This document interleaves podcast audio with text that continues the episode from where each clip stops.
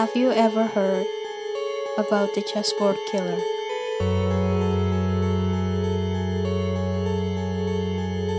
Hi, this is Ken. This is Nenet. Hari ini aku mau bahas tentang The Chessboard Killer. Kenapa nama dia Chessboard Killer tuh? Karena uh, dia tuh mencatat pembunuhannya di Hmm. tiap kotak-kotak papan catur yang dia punya. Jadi dia ngenandain gitu si apa sih namanya? Kalau misalnya dia udah ngebunuh satu orang sama ditandain di papan caturnya satu. Ya, Maksudnya ya ditandain gitu pokoknya si satu-satu kotak papan caturnya itu. mm-mm. Jadi tiap kotak tuh eh, merepresentasikan satu korbannya gitu. Wow. Nggak kebayang. Dan ya target dia eh, menuhin si papan caturnya itu which is 64 kotak. But dia keburu Oke. ketangkep sebelum dia memenuhi 64 kotak itu. Sayang sekali. No, it's good. nggak nggak maksudnya kayak ya sedih aja gitu kayak rencana dia 64 gitu kan udah keburu ketangkep duluan dia kurang beruntung So, siapakah the chessboard killer ini? Nama asli dia adalah Alexander Pichushkin. Dia lahir di Moskow tanggal 9 April 1974. Dan ya, overall, kayaknya karakteristik serial killer tuh mirip-mirip gitu yang orang-orang yang loner, yang pemalu, ya ya yang gak banyak omong gitu.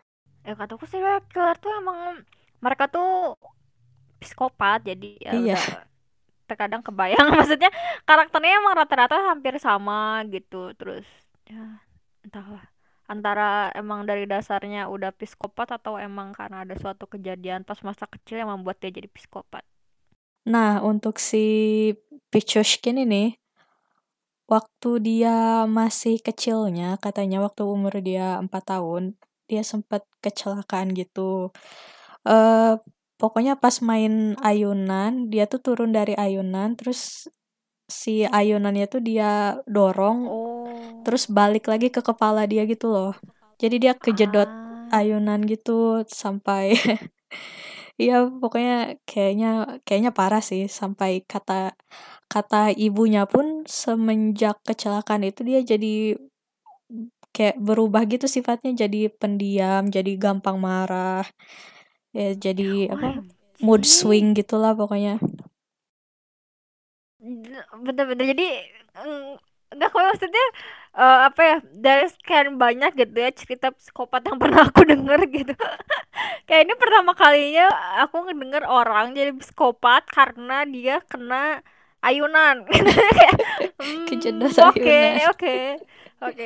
Berarti kita kita harus hati-hati gitu ya. Ini- eh, kayaknya ini juga apa ya informasi juga gitu buat orang-orang. Karena apa ya kan si ayunan itu kena kepalanya mungkin jadi ya karena kena, kena kepala mungkin dia kena saraf apa yang membuat dia, dia jadi mood swing dan dan dia bahayanya bisa membuat dia menjadi seorang psikopat Ini enggak sumpah, dikonfirm sih, cuma menurut penelitian bisa jadi ada hubungan antara head injury dan tendensi untuk membunuh orang. What karena luka kepala OMG Mm-mm. Katanya tuh bisa jadi si Alexander ini eh, pas kejedot ayunan itu si bagian otak yang namanya frontal lobe itu rusak. Nah, terus di bagian frontal lobe itu eh, fungsinya tuh untuk mengontrol emosi dan untuk eh, apa membantu produksi dopamin gitu. Dopamin tuh apa kayak neurotransmitter untuk untuk perasaan bahagia gitu. oh oke oke oke Terus tanda-tanda lain eh, tanda-tanda awal seseorang might be a psychopath itu biasanya dia suka nyakitin binatang kan binatang ya ya, ya, ya. dari masih kecil mereka suka nyiksa binatang gitu sementara Hmm, si. Pichushkin ini dia tuh sayang sama binatang dia nggak nggak suka nyakitin binatang dia malah eh sempat melihara kucing waktu dia masih kecil Hmm. terus pas kucingnya mati dia tuh bener-bener sedih gitu kayak ya Hmm. depresi gitulah pas kucingnya mati mungkin ya kalau misalnya menurut aku gitu ya dari dari eh, cerita yang tadi gitu penjelasan yang tadi gitu ya Eh, apa ya kan ketika seorang psikopat gitu yang misalnya dia suka nyiksa binatang terus sejak dia dari kecil gitu ya Mm-mm. itu karena emang dari dasarnya dia tuh psikopat gitu. Maksudnya eh kayak ya emang dia dia tuh udah psikopat gitu. Jadi eh udah nggak punya perasaan aja gitu ke binatang gitu. Sedangkan si si Alexander ini tuh karena apa ya kasarnya dia menjadi seorang psikopat tuh ketidaksengajaan gitu kan kena eh, insiden kena insiden gitu kan. Jadi mungkin eh sebenarnya masih masih ada apa ya perasaannya gitu kalau misalnya buat buat ke hewan kayak gitu loh. Kok bisa menurut aku gitu. Jadi karena bukan dia bukan awalnya pun bukan psikopat gitu. Ya mungkin entah karena kejadian apa akhirnya yang merubah dia bener-bener jadi seorang psikopat gitu Nah, terus eh, dia juga waktu dia eh, remaja, dia tinggal sama kakeknya.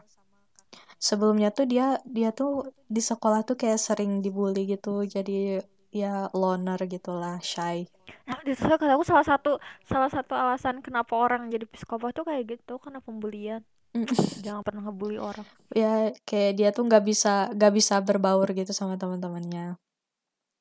Sampai Nah, bisa sih ya. akhirnya ya dia pindah tinggal sama kakeknya karena waktu Mm-mm. dia pindah tuh si rumah ibunya tuh ya rumah bukan rumah sih ya apartemen kecil gitulah apartemen zaman Soviet yang cuma ada satu kamar satu ruang tamu ruang tamunya pun eh, nyat jadi dibikin kamar kedua gitu Ah, oke oke.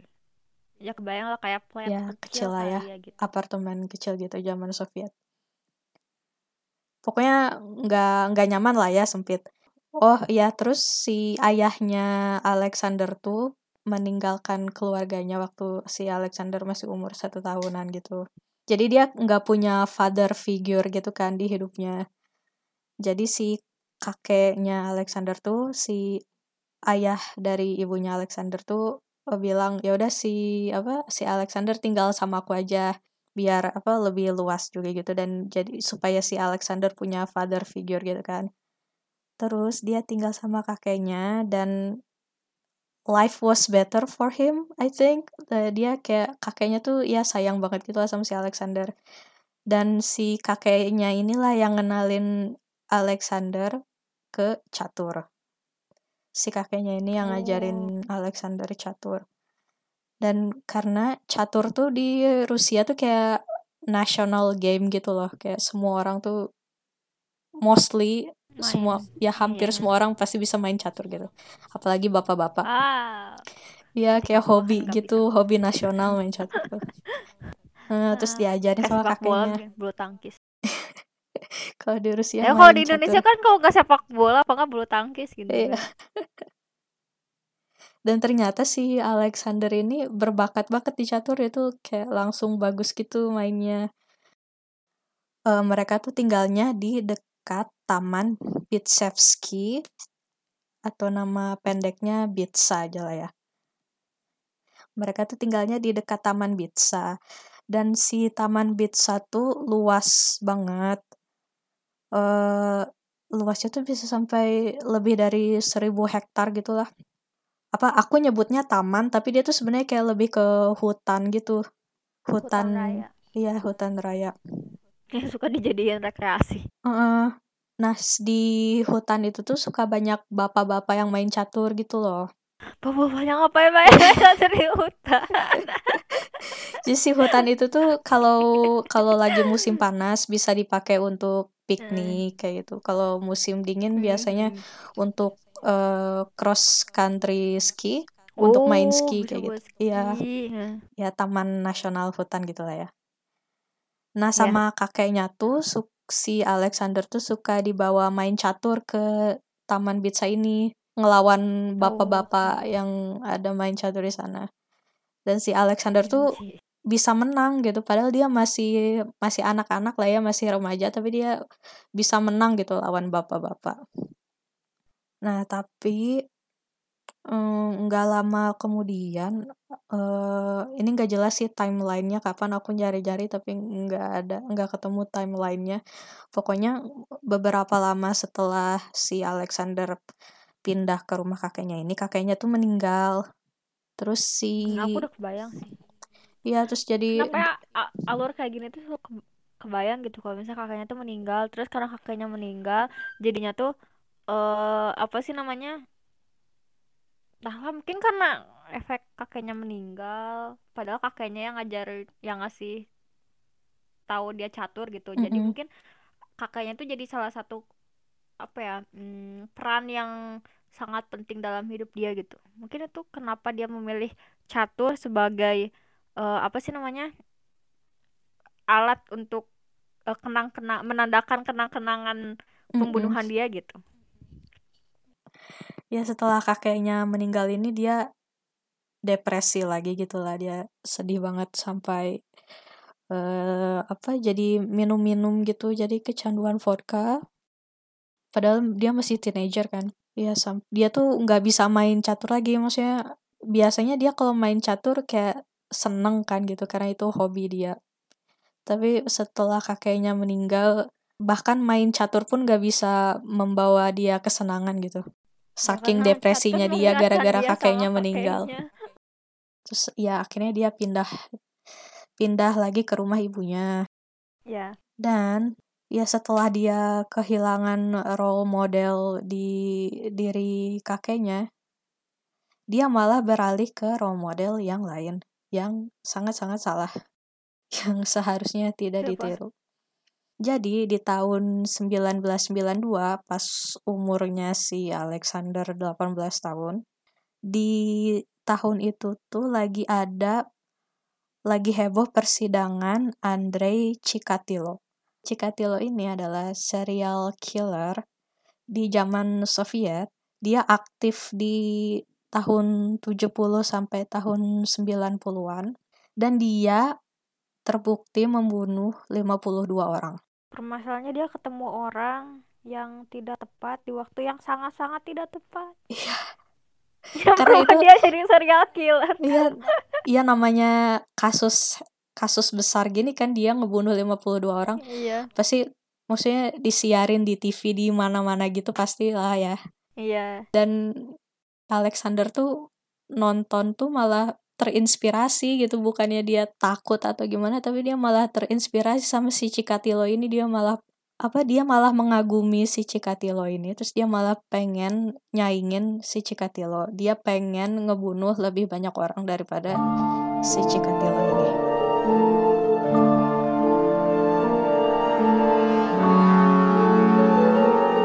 So di tahun 92 itu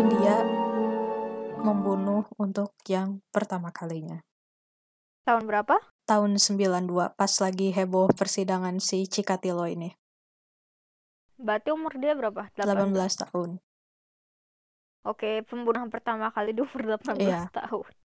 korban pertamanya adalah teman sekolah dia sendiri namanya Mikhail Odichuk Ah, tapi dia tuh awalnya enggak niat bunuh si Mikhail Odichuk dia tuh niatnya setelah nonton persidangan si Ciket si Cikatilo ini dia tuh Iya. terinspirasi gitu kan. Dia pengen pengen nyobain juga gitu ngebunuh orang. Dia tuh ngajak Cobain. pengen ngebunuh orang juga.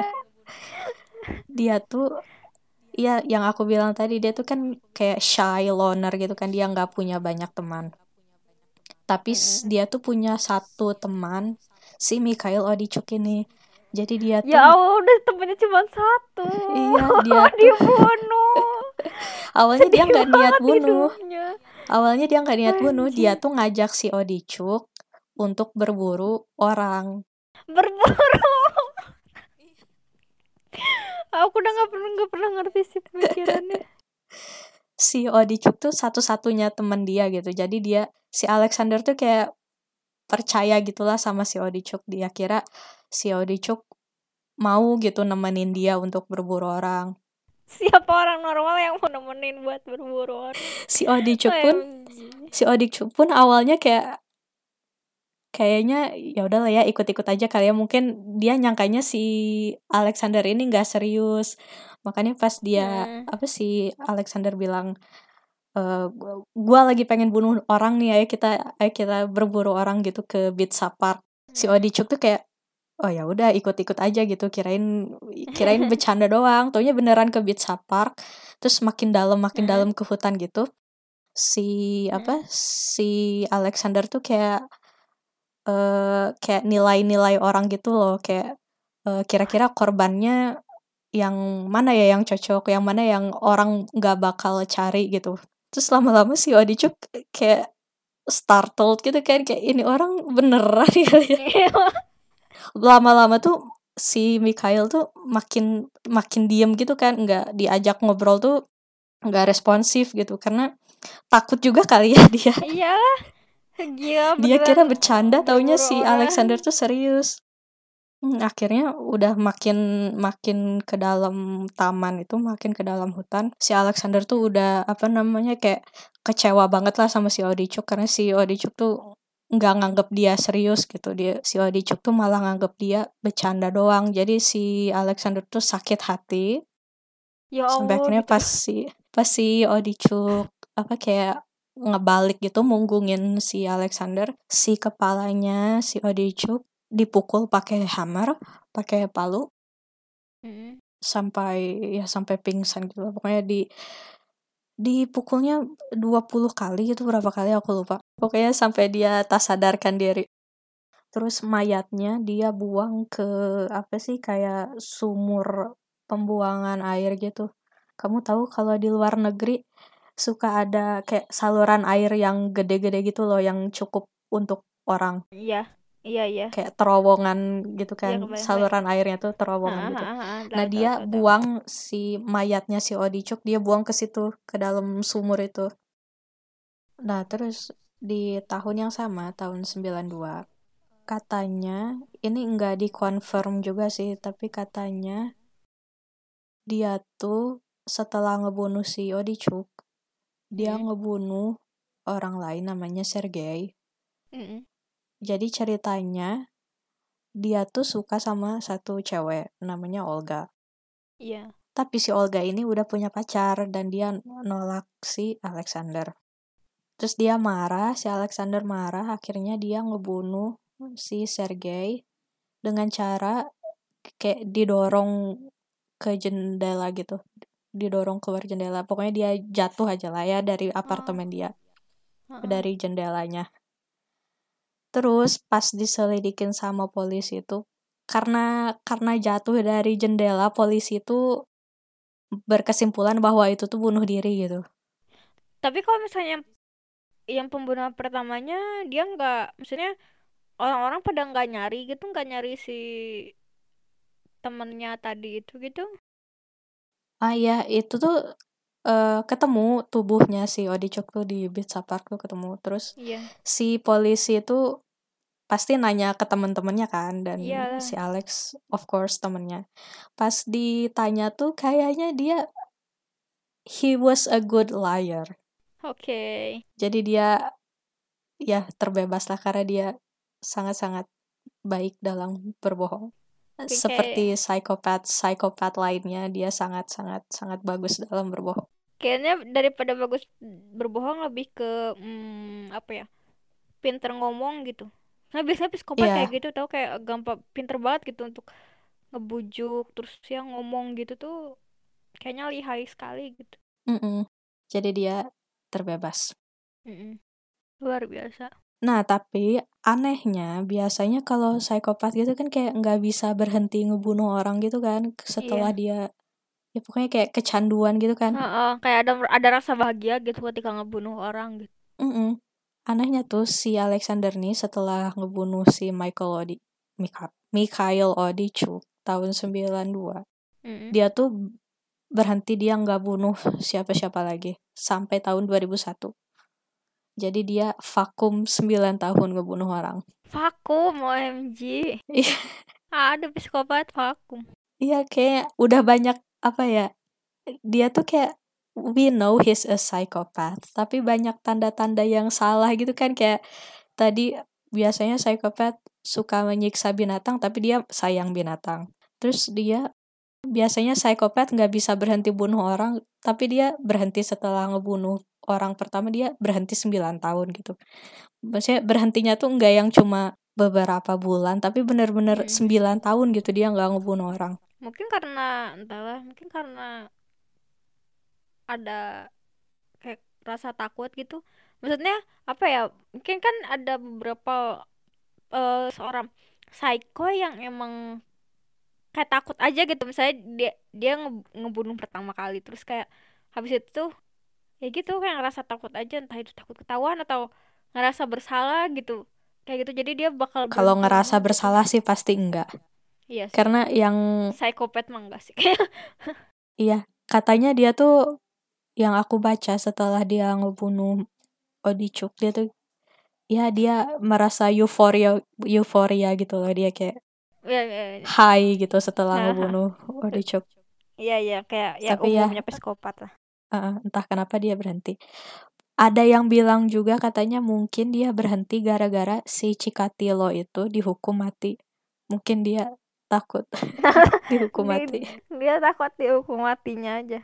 atau dia sedang apa namanya sedang merencanakan modus operandi yang lebih wow lagi gitu. Ya tapi maksudnya kayak ya nggak nggak kebayang aja maksudnya untuk kayak merencanakan pembunuhan sampai 9 tahun kayaknya terlalu Anda mau ngebunuh siapa? gitu ngerencanain 9 tahun gitu. tapi ini wow banget setelah itu dia ngebunuh 60 orang yang dia klaim ya. Mm. Bentar-bentar is kan worth it lah. Nggak aku tuh masih bingung ya. Kan tadi pertama kali dia ngebunuh itu si temennya itu kan. Itu dihitung satu. Nah terus si eh si sergeant si siapa namanya tadi? Sergei Iya si Sergei itu kan berarti pembunuhan keduanya kan? Mm-mm. nah itu sama dia nggak dihitung gitu? Kayaknya belum mulai dia hitung deh. Dia dia baru mulai hitung di papan catur tuh. Pas, dia 9 ngebunuh tahun. lagi di tahun di tahun 2001 dia baru mulai ngitungin satu. membunuh ya be- pembunuhan berantainya tuh baru dimulai di tahun 2001 OMG berarti sengaja dia udah ngebunuh 63 orang. Tinggal satu lagi. Untung dia dia mati. Jadi 64 pas ya maksudnya dia dia dihitung jadi udah 64 kan? Pas udah. Udah sepapan catur.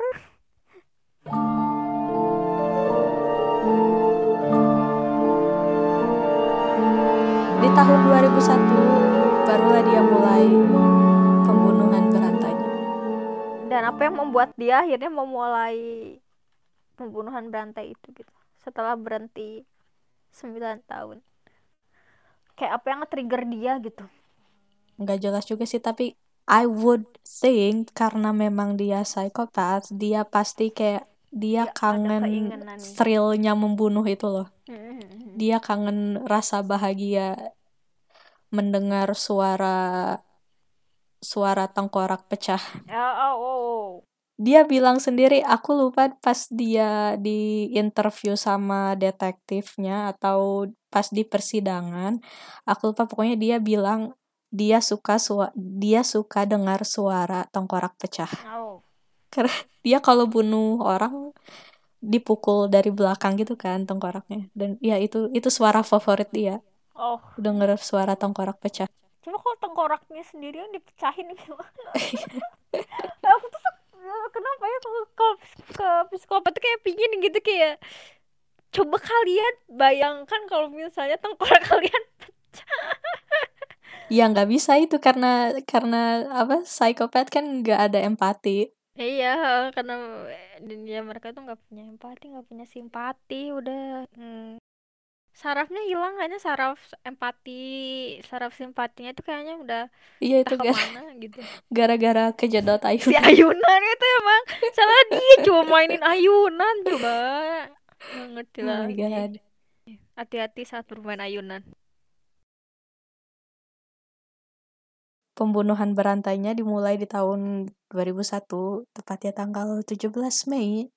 Dia membunuh seorang pria namanya Yevgeny Pronin. Si Yevgeny Pronin tuh dia kayak suka jalan-jalan gitu di Pizza Park terus orang diajak orang nggak bersalah lagi gitu kayak cuman orang lagi jalan-jalan terus tiba-tiba dibunuh gitu. Iya of course. Anjing. di, di karena apa si si Alexander udah mulai main catur lagi di Pizza Park. Oh. Terus dia ketemu si Yevgeny Pronin. Diajaklah si Yevgeny ini jalan-jalan lebih dalam lagi ke hutan si Pizza Park ini. Eh alasan dia tuh ngajak si Yevgeny itu katanya mau ngajak si Yevgeny ke kuburan anjingnya. Katanya tuh Anjing. Dia memang pas abis kakeknya meninggal dia tuh eh, ngadopsi anjing gitu untuk apa kayak cheer him up gitulah karena dia Mm. depresi kan kakeknya meninggal terus dia ngadopsi anjing terus katanya di tanggal 17 Mei 2001 itu katanya eh anniversary kematian anjingnya gitu jadi dia pengen ngajak iya jadi dia pengen ke kuburan anjingnya di dalam Pizza Park dan pengen kayak bikin toast gitu loh minum vodka gitu untuk Mm-mm. apa memperingati kematian anjingnya. Oke. Terus dia ngajak si Yevgeny nih. Terus akhirnya si Yevgeny mau lah ya karena di apa si apa namanya si Alexander tuh ngejanjiin dia vodka oke lah ya. Si Yevgeny pengen minum vodka oke dia mereka jalan ke Pizza Park ya pas sudah sampai di dalam di apa di kedalaman Pizza Park akhirnya dibunuhlah si Yevgeny ini. Dipukul kepalanya dari belakang gitu kan karena dia suka suara tengkorak pecah. Pakai botol vodka sampai ya dipukul dipukul beberapa kali gitulah sampai nggak sadarkan diri. Terus badannya dia buang lagi ke si sumur pembuangan air gitu ini emang maksudnya eh tanda dia atau jadi kayak dia tuh kalau ngebunuh tuh harus selalu dari belakang terus eh, apa sih namanya dimasukin ke sumur terus korbannya tuh laki-laki semua atau atau gimana gitu kan biasanya kadang psikopat tuh kayak suka ada eh klasifikasi pembunuhan gitu jadi maksudnya ya Hmm. selalu ngebunuhnya tuh misalnya pembunuhnya tuh cewek terus eh, dari umur segini sampai segini terus biasanya di ya dibunuhnya tuh dengan cara gini-gini. Kan biasanya ada beberapa psikopat yang kayak Mm-mm. gitu kan kayak khas gitu ciri khas. Yang aku eh, baca sih ya dia selalu bunuh korbannya dari belakang karena dia nggak mau kecipratan darah katanya.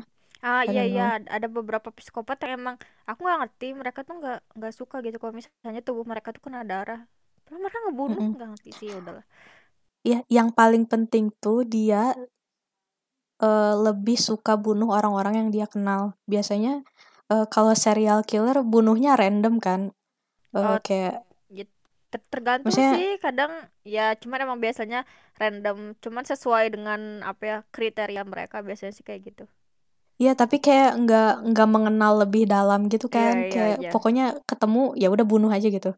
Si Alexander tuh enggak, dia tuh sebelum ngebunuh tuh dia tuh kayak suka nanya-nanya hal-hal pribadi gitu loh. Pokoknya kayak ingin ingin mengenal si korbannya itu. Jadi apa ya kayak dia tuh sengaja bikin emotional bond gitu loh dengan korban-korbannya, ah which is oke again weird.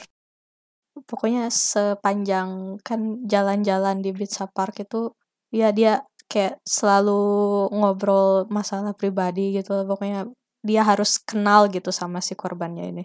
mungkin itu cara dia berteman dengan membunuh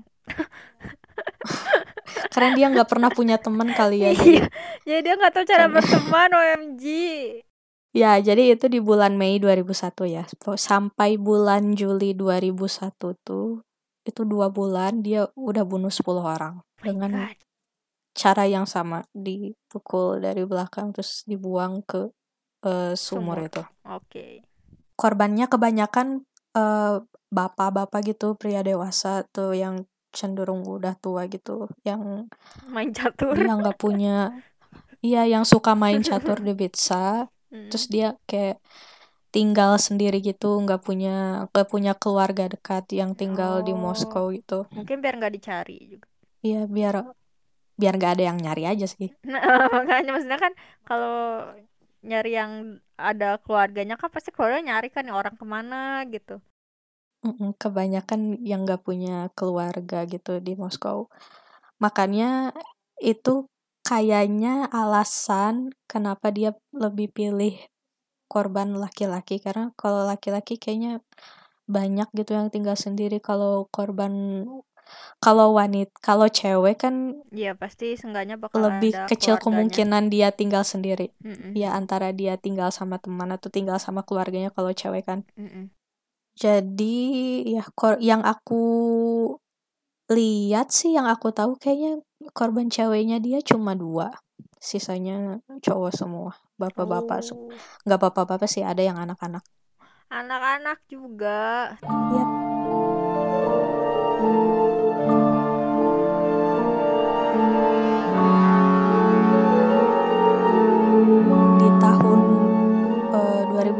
Bulan Februari 2002 dia mencoba pembunuhan ke korban wanita pertamanya Oke. Eh, ya si korbannya ini namanya Maria si Maria ini lagi hamil tiga bulan Oh my god. Alexander ini kenal sama pacarnya kalau nggak salah. Pokoknya si Maria ini ceritanya lagi berantem gitu sama pacarnya. Terus ya udah ditemenin kan sama si Alexander. Terus eh, untuk apa namanya? Untuk menghibur si Maria, Alexander ini ngajak si Maria jalan-jalan ke ke Pizza Park. Biasanya kan dia ngajak korbannya tuh mancing korbannya tuh dengan vodka kan karena ya orang Rusia suka vodka dan kebanyakan korban dia bapak-bapak. Tapi ngajak si Maria yang lagi hamil gak mungkin dong ngajak minum Iya, vodka. minum nggak mungkin. Jadi dia ya dia ngajak ke Pizza Park itu untuk ngambil eh, kamera-kamera gitu yang dia sembunyiin di Pizza Park. Aku nggak ngerti ceritanya dia dapat kamera dari mana. Pokoknya dia eh, apa namanya ngebohong ke si Maria katanya Mm-mm. dia punya kamera disembunyiin di dalam Pizza Park dan Iseng dia tuh banget. mau ngasih kamera ini ke si Maria. Eh, ini- Katanya eh ya lumayan lah si kameranya bisa dijual gitu untuk ngebiayain anaknya Oh, nanti. Iya, iya. Tapi maksudnya nggak masuk akal banget kalau kamu punya kamera ngapain kamu sembunyiin di hutan? Iya, kenapa nggak bukannya disimpan di rumah gitu ya? Disimpan di hutan, kalau di hutan kan bisa diambil sama siapa aja, nggak ngerti. Iya aku gak ngerti. Tapi udah akhirnya si Maria ikutlah sama si Alexander ke hutan itu. Mm-mm. Dan obviously setelah di hutan dibunuh. Nggak dibunuh sih maksudnya ya dipukul gitu kan kepalanya dari belakang. Mm-mm. Alexander tuh bilang ini kameranya tuh ada di dalam si sumur ini. Dia Si sembunyiin di dalam sumur. kamera dalam sumur? Iya, iya aneh banget kan. Tapi si Maria tuh, iya si Maria tuh ngikut aja. Pokoknya si Alexander tuh nyuruh, ini lihat nih lihat ke sumur ini gitu. Si Maria tuh nurut aja gitu, nu, apa ngelihat si kepalanya tuh apa nongol ke sumur itu kan kayak nunduk gitu. Nah pas si Maria nunduk, iya dipukul gitu kan kepalanya. Tapi si Maria tuh masih bisa ngelawan, masih bisa nahan gitu. Dia nggak langsung jatuh ke Oh. si sumurnya. Heeh.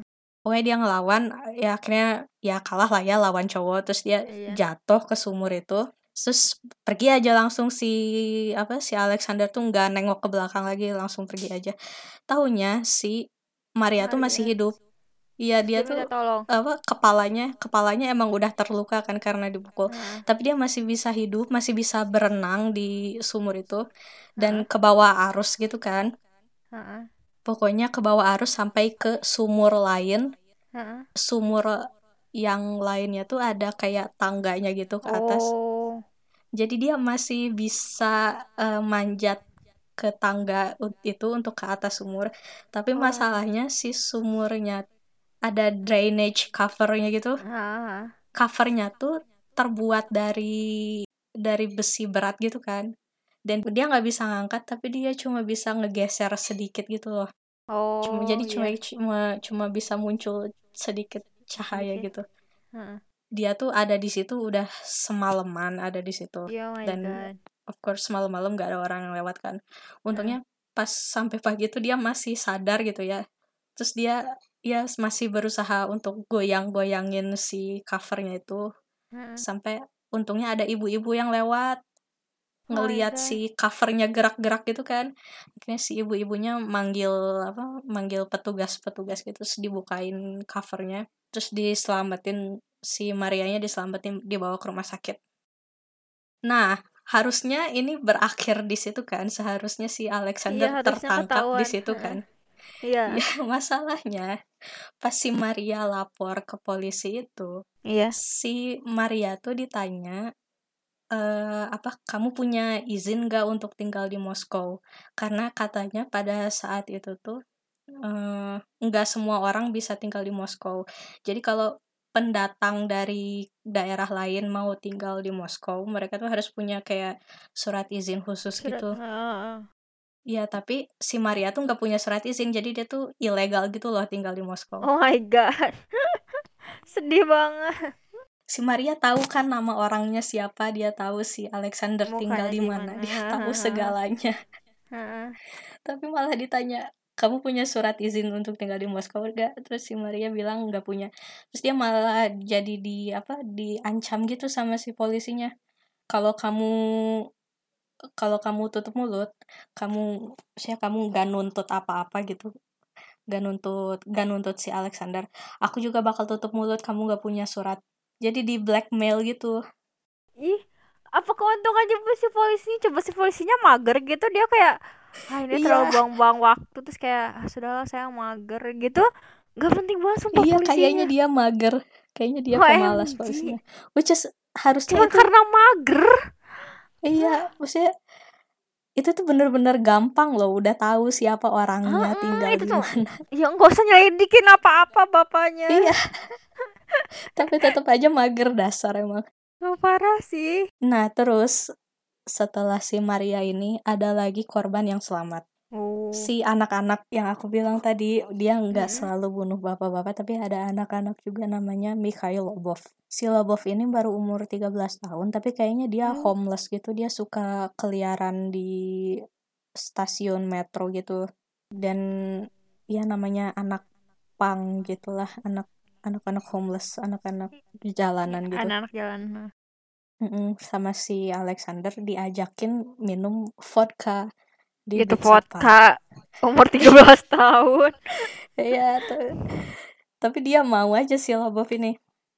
Ikutlah dia ke Pizza Park itu terus pas udah di dekat sumur favoritnya si Alexander kayak si Sumur Maria tadi favorit. langsung iya di apa namanya dipukul kepala terus langsung langsung didorong ke si sumur itu. Nah, tapi untungnya si Lobov ini pakai jaket, terus jaketnya Mm. tuh nyangkut di kayak ada besi-besi gitu kan di apa namanya di sumurnya tuh ada besi-besi yang keluar gitu, terus jaketnya nyangkut di situ. Jadi dia nggak jatuh ke dalam air. Terus si Alexander udah langsung pulang kan dia nggak nengok ke belakang lagi.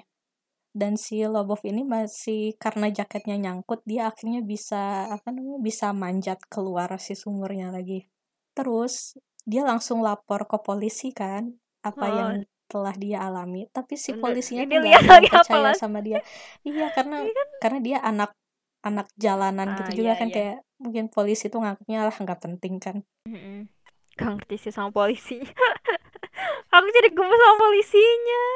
Anjir. ngeselin banget emang seminggu kemudian Iya. di stasiun metro Lobov ini ketemu lagi sama si Alexander OMG. kaget kan iya makanya si Alexander tuh kaget ngelihat si Lobov tapi masih yang wajahnya tuh datar gitu loh Mm-mm. keep cool gitu kan stay cool Mm. tapi si Lobov pas ngelihat Alexander langsung yang teriak-teriak gitu kan lah kayak iya. that's him that's him gitu dia langsung Heeh. apa dia langsung kayak uh, di stasiun metro itu ada kantor polisi dia langsung lari ke kantor polisi langsung kayak hmm. nyeret si apa namanya Polisinya. nyeret satu polisi terus nunjuk-nunjuk ke si Alexander. Itu loh itu orang yang aku bilang apa namanya aku bilang nyerang aku minggu kemarin. Hmm. itu orangnya itu dia tuh udah teriak-teriak sekenceng apa pun tapi si polisinya tuh kayak udah apaan sih? Kayak udah nggak ada nggak ada yang percaya gitu loh. Udah kamu yeah, yeah, apa yeah, yeah, mabok yeah. kamu pulang aja pulang. Kali nggak ngerti sama polisinya oh God, sedih banget.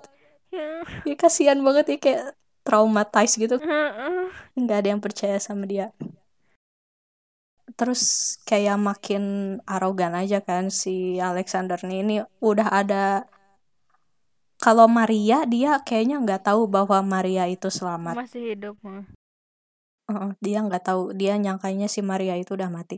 Tapi si Lobov dia tahu kan si Lobov ini selamat dan dia nunjuk ke diri apa si Lobov ini nunjuk-nunjuk Alexander di depan polisi tapi polisi nggak ada yang nangkep dia gitu. Jadi dia tuh makin sombong kan makin arogan gitu. Mm-hmm. kayak ah, nobody can catch me gitu. Yeah. jadi makin menggilalah dia. Tapi si Slowboxnya di di didiemin aja gitu. Maksudnya tahu kan masih hidup tapi dia nggak nggak berusaha ngebunuh si Lobovnya lagi gitu. Karena dia dia nggak nganggap si Lobov ini ancaman Oh, oke okay, oke. Okay. Ya orang Jadi kayak ya orang udah, udah Iya dia udah apa ditarik gitu polisinya terus ditunjuk ini loh orangnya. Tapi polisinya nggak percaya dia disuruh pulang pulang pulang gitu doang. Gak ngerti lagi sama polisinya. Jadi dia ya begitulah. Dia makin apa makin cocky gitu terus sampai dia tuh ngerasa lama-lama tuh ngerasa bosen dengan cara bunuh dia yang gitu-gitu aja. Selama ini dia selalu bu buang mayatnya ke dalam sumur itu kan. Mm -mm. Tapi ya karena dia makin sombong gitu, makin cocky dan dia jadi bosen, akhirnya dia uh, si mayat-mayatnya udah dia nggak buang ke apa namanya, nggak dibuang ke sumur lagi dibiarin bergeletak aja di taman Bitsa itu.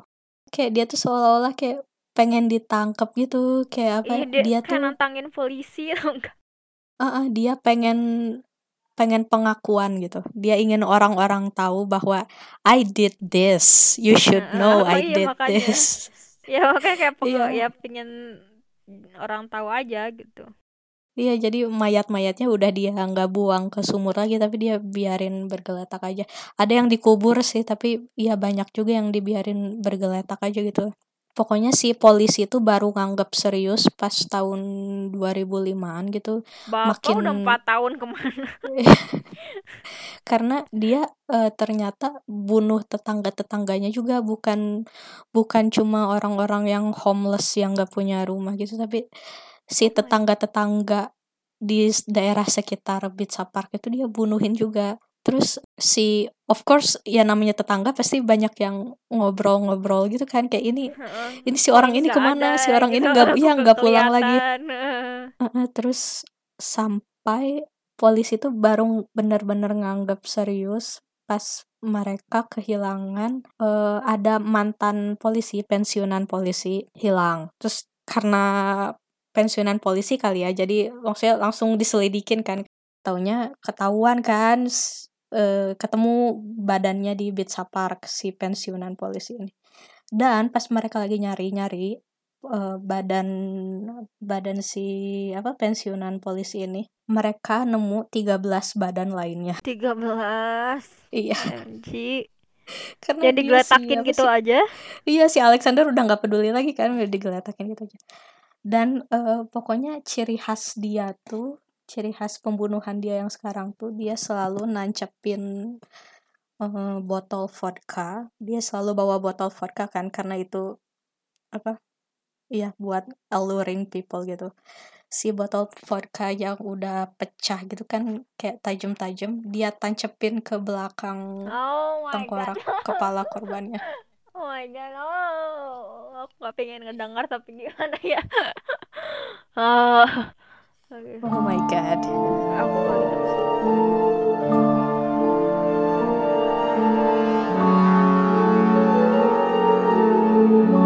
Akhirnya korban yang bikin dia tertangkap itu namanya Marina Moskalyova. Oh, cewek kedua. Iya, cewek kedua di tahun 2006. Kayaknya dia nggak laki deh soal sa- sama cewek. Cewek yang pertama selama cewek yang kedua ngebuat dia ketangkep. iya, seharusnya dia emang jangan pernah bunuh cewek. Ya, dia nggak beruntung. Salahnya si Pichus eh, si Alexander ini, dia tuh pokoknya si Marina ini eh, temen kerja dia. Si Alexander ini kerja di supermarket gitu. Jadi ya pegawai supermarket gitu lah. Si Marina ini kerja di tempat yang sama terus eh si Marina ini kayaknya cerai atau gimana gitu aku lupa. Pokoknya dia udah punya anak si Marina ini tapi suaminya nggak ada atau cerai nggak tahu gimana. Pokoknya si Alexander tuh ngajak si Marina ngedate aja lah ya. Ngedate ke Pizza Park. Itu si gitu. Marina ini iya sih kan Kayaknya si udah mulai lama-lama jadi tempat yang horor deh di situ. Iya. emang. si kan udah mulai banyak berita kan, udah udah masuk TV gitu gara-gara penemuan 13 mayat itu udah masuk berita kan si Pizza Park ini bahaya gitu. Ada apa? Ada a murderer on the loose gitu. Jadi si Marina nih agak-agak takut sih pas dia diajak ke Pizza Park. Tapi ya karena dia maksudnya dia udah kenal si Alexander udah lama gitu kan karena teman kerja juga tuh. Jadi kayak gak mungkin lah ya. Heeh. gak mungkin Alexander gitu. Kayak dia udah percaya sama Alexander. Jadi ya udah dia tuh mau aja diajak ngedate ke Pizza Park tuh. Tapi si Marina tuh tetap ninggalin catatan ke anaknya. Dia bikin note gitu eh, aku pergi sama Alexander ke Pizza Mm-mm. Park ini nomor HP-nya Alexander ditulisin nomor OMG. Alexander iya jadi Ya, diting- eh, apa dia Kayak gitu sih bikin note gitu. Iya, bagusnya dia tuh gitu dia dia dia percaya Alexander oke lah ya, tapi dia tet- masih tetap ninggalin note gitu. Aku pergi sama ini, ini nomor HP-nya. Akhirnya ya dia dibawa ke Pizza Park terus ya you know dia dibunuh. Terus pas besoknya si anaknya aneh kan ini ibunya udah Nggak sehari nggak pulang. pulang-pulang. Iya. Terus akhirnya karena di note itu ada nomornya Alexander, dia ditelepon lah langsung si Alexander kan ini si ini ibu gue ke mana dia dia kasih note tapi sampai sekarang belum pulang dia kasih note dia jalan sama kamu tapi sampai sekarang dia belum pulang terus si si Alexander tuh malah bilang aku nggak pernah lihat Marina selama dua bulan ini which is itu kebohongan yang aneh gitu kan Iya, nggak itu mungkin mah. kamu nggak lihat dia dua bulan orang kamu kerja Dia kan sama kerja dia sama. hari. Gimana? kayak bodoh banget gitu ngebohongin. Iya itu, ya mungkin dia udah kehabisan ide jadi udah terlalu shock. Mungkin tiba-tiba ada yang nelfon nanyain korban dia kemarin. Dia kayak oh ya udah dia nggak kepikiran terus apa-apa. kayaknya kayaknya emang dia sengaja gitu sih biar ditangkap soalnya pas dia apa di interview sama polisi gitu dia tuh dia bilang dia tahu Marina ninggalin note untuk anaknya. Dia ninggalin note ada nama. Aku pergi sama Alexander ini nomor HP-nya Alexander. Tapi dia tuh tetap aja si Marina tuh udah ngasih tahu Alexander tentang note itu tapi si Alexander tuh tetap aja ngebunuh si Marina. Padahal harusnya jangan dong ya kalau dia kalau dia gak mau ketahuan harusnya dia nggak bunuh Marina hari itu kan Iya. tapi dia tuh tetap aja bunuh Marina jadi seolah-olah kayak emang dia pengen ketangkep gitu Padahal belum 64 gitu ya atau mungkin Iya. dia mau ngepasin diri dia 64 ya sama diri dia gitu sama korban sebelumnya gitu yang 9 tahun yang lalu udah 63 ditambah dia 64 ya udah pas gitu. I Iya. don't know pemikirannya gimana.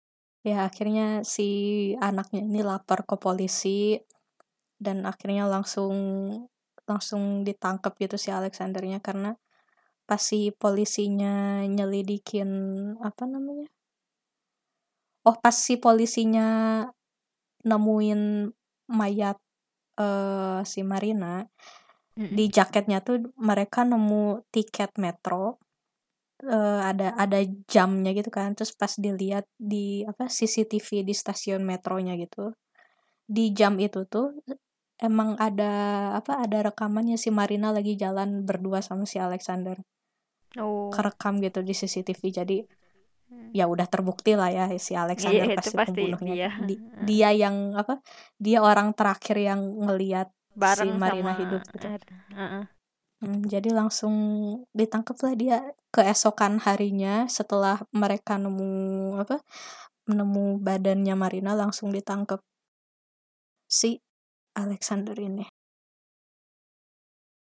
pas setelah di apa di setelah diselidiki Alexander ini awalnya mengklaim dia udah bunuh 61 orang Iya. tapi si polisi-polisi itu cuma bisa ngebuktiin 48 pembunuhan. Sisa sisa-sisanya yang lain polisi nggak bisa ngebuktiin gitu. Karena pas di awal-awal pun pas mereka baru bisa ngebuktiin 16 pembunuhan gitu pokoknya baru belasan pembunuhan sementara si Alexander udah ngeklaim 60 lebih pembunuhan si polisinya tuh kayak nggak percaya gitu karena takutnya dia tuh cuma mengklaim doang gitu loh karena Iya, iya, ya iya buat karakteristik. nambah-nambahin list doang gitu. Iya karakteristiknya psikopat kan dia selalu apa kayak ingin pujian gitu loh Heeh. Untuk, narsisistik untuk karya dia. ya. iya he he needs admiration gitu kan Heeh. tapi taunya lama-lama makin diselidikin makin banyak juga Sampai yang terbukti itu 48 pembunuhan jadi ya sudahlah dia apa namanya akhirnya dia Ya intinya udah udah dijatuhi gitu hukuman. iya dijatuhin hukuman. Karena semenjak se- tahun 96 di Rusia udah nggak ada hukuman mati jadi eh, Alexander ini dihukum penjara seumur hidup. Oh, berarti sampai sekarang dia masih di penjara. iya tapi dia tuh pas hari apa namanya hari penjatuhan vonisnya dia tuh malah marah gitu karena si polisinya tuh cuma bisa ngebuktiin 48 pembunuhan dan dia dijatuhi hukuman atas 48 pembunuhan kan Mm. tapi dia tuh malah akhirnya dia dia marah dia nggak diterima gitu. iya dia nggak terima itu masih karena banyak ini. gitu. Dia tetap apa tetap kekeh gitu tetap keras kepala. I killed 61 people. Aku ngebunuh 61 orang. Aku nggak kayak dia nggak terima. Dia cuma dituntut 48 orang. Tapi emang psikopat biasanya kayak gitu, kayak apa ya?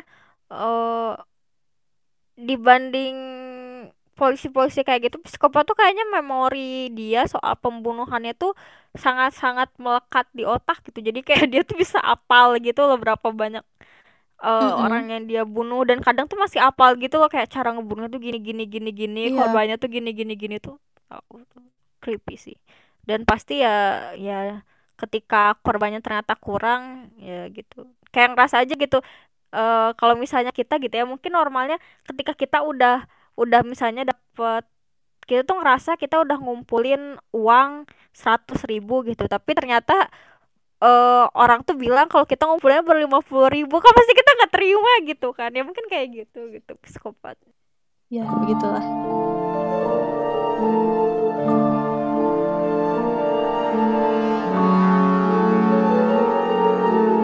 So that's it about the chessboard killer. Wow It- ya. Aku sendiri gimana ya? Masalah kasus ini jadi jadi walaupun aku suka supernatural gitu ya aku suka cerita detektif tapi sejujurnya aku tuh bukan tipe orang yang hmm, bisa gitu buat buat ngedengerin pembunuhan kayak gitu seriously Nah, kalau soal psikopat gitu karena apa ya eh dua hal yang paling menakutkan menurut aku selain zombie adalah psikopat seriously ya gitu. Kita nggak tahu dia mereka bisa ada di sekitar kita gitu loh Iya, mereka tuh siapa aja. Makanya aku bilang tuh kayak manusia tuh makhluk paling mengerikan yang pernah ada gitu. Soalnya eh, apa ya? Oke lah kalau misalnya eh, misalnya binatang ngebunuh manusia gitu ya. Kan kan binatang tuh mereka punya insting, tapi mereka nggak punya akal gitu kan. Sedangkan manusia tuh kayak ih kita tuh punya insting tapi kita juga punya akal gitu. Kenapa mereka tuh bisa bisa ngebunuh orang dengan dengan begitu sadisnya gitu. Kayak nggak nggak kepikiran aja gitu. Kok Iya. bisa sih gitu? Itu itu sih yang kataku menurut aku yang selalu bikin uh, mengerikan gitu ketika aku dengar atau aku baca uh, apa sih, soal psikopat ini gitu. Oh paling nggak pernah ngerti sih gitu. Kayak dari dari se, dari seluruh masalah psikologi kataku psikopat yang paling nggak pernah bisa kepikiran sih kayak karena why? apa ya aku aku tuh agak galau gitu. Ini tuh sebenarnya mental illness gak sih? Karena nggak mungkin kayak manusia manusia normal gitu manusia yang waras bisa melakukan hal seperti itu. Tapi kalau itu dianggap mental illness nggak adil juga kalau mereka nggak dihukum ya nggak sih? Iya kalau misalnya di kalau seorang psikopat di dihitungnya mental illness ya pasti mereka bukan masuk penjara tapi masuk rehabilitas Mm-mm. iya. Tapi ya maksudnya psikopat juga kataku termasuknya mental illness gitu. Soalnya nggak mungkin kalau mental normal melakukan hal itu gitu. Maksudnya melakukan hal-hal yang semengerikan itu gitu. Kecuali kalau misalnya emang hmm, apa ya di balik itu tuh ada ada eh uh, ada alasan lain. Misalnya uh, mungkin dia juga tahu masalah Billy kan ya Iya. 24 aja Billy si Billy juga kan eh uh, itu dia kehitung masalah pemerkosaan dan pembunuhan kan gitu Mm-mm. tapi eh uh, akhirnya kenapa dia dimasukin berhasil dimasukin ke reha, rehabilitas ya karena dia punya 24 kepribadian gitu jadi Iya. Ya itu lebih itu uh, lebih termasuk mental illness. mental illness gitu heeh, gitu. Tapi kalau misalnya psikopat uh, kayaknya dimasukin ke rehabilitas pun nggak akan ada efeknya gitu. Jadi kayak percuma aja. Kayak soalnya itu nggak bisa kayak mental illness yang heh, yang udah mendarah daging gitu dalam dalam diri dia gitu. Jadi ya percuma juga gitu di rehabilitas. Makanya mungkin walaupun menurut aku gitu ya kalau kalaupun misalnya nanti seorang psikopat dimasukinnya ke mental illness gitu atau entah mungkin atau mungkin sekarang juga sebenarnya udah dimasukin ke mental illness gitu uh, tapi menurut aku ya nggak akan itu bukan sesuatu yang bisa diobatin gitu. Ya ketika kepribadian ganda kita masih bisa kayak misalnya uh, dilebur kah gitu kasih kepribadiannya gitu. At least masih ada cara buat um, mungkin nggak bisa totally menyembuhkan cuman masih bisa diredam lah ya gitu. Yeah. kan kalau misalnya psikopat tuh nggak nggak bisa gitu. Kayak kayak sosiopat psikopat itu kayak emang udah karakternya gitu gitu. Jadi nggak nggak bisa ya percuma gitu. Disembuhin juga nggak bisa gitu. Uh, ya kalau kalau yang suka tentang penelitian serial killer gitu harus nonton Mindhunter. Mindhunter. Ya, dia serial Netflix gitu dan ceritanya mempelajari serial-serial killer gitu. Mempelajari psikologinya serial killers di Ya. Amerika. Dan aku itu akan pernah nonton itu itu aku suka banget karena psikologi tapi aku nggak mau nonton itu karena dia enggak grafik, enggak mereka enggak apa namanya? Mereka enggak nunjukin pembunuhannya. Jadi si serial killersnya udah ditangkap, udah di dalam penjara. Jadi tugas si eh apa namanya? si agen-agen FBI ini ngewawancara serial killers yang udah pada ditangkap. Terus dipelajari gitu psikologinya. Jadi mereka sama sekali nggak nunjukin yang gor-gornya gitu nggak ditunjukin loh, Nah. nggak ditunjukin. Tapi ya ada Oh. sih beberapa kayak apa cuma nunjukin foto TKP doang gitu, tapi nggak ditunjukin pas ngebunuhnya mah enggak. Jadi bener-bener ya tentang psikologinya aja. So next episode kembali lagi ke supernatural. Yeah, supernatural dan ya eh, aku kasih spoiler buat eh, next episode-nya tentang supernatural yang masih akan berhubungan dengan shadow people. Jadi buat yang belum dengerin podcast eh, episode ketiga tentang shadow people, lebih baik dengerin dulu biar biar Yay. paham tentang eh, next episode-nya. Biar Gitu. nyambung.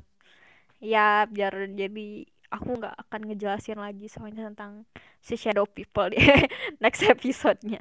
Mungkin ngebahas sedikit lah. Gitu. Eh, recap aja. ya. Ya, see you next episode. yeah bye bye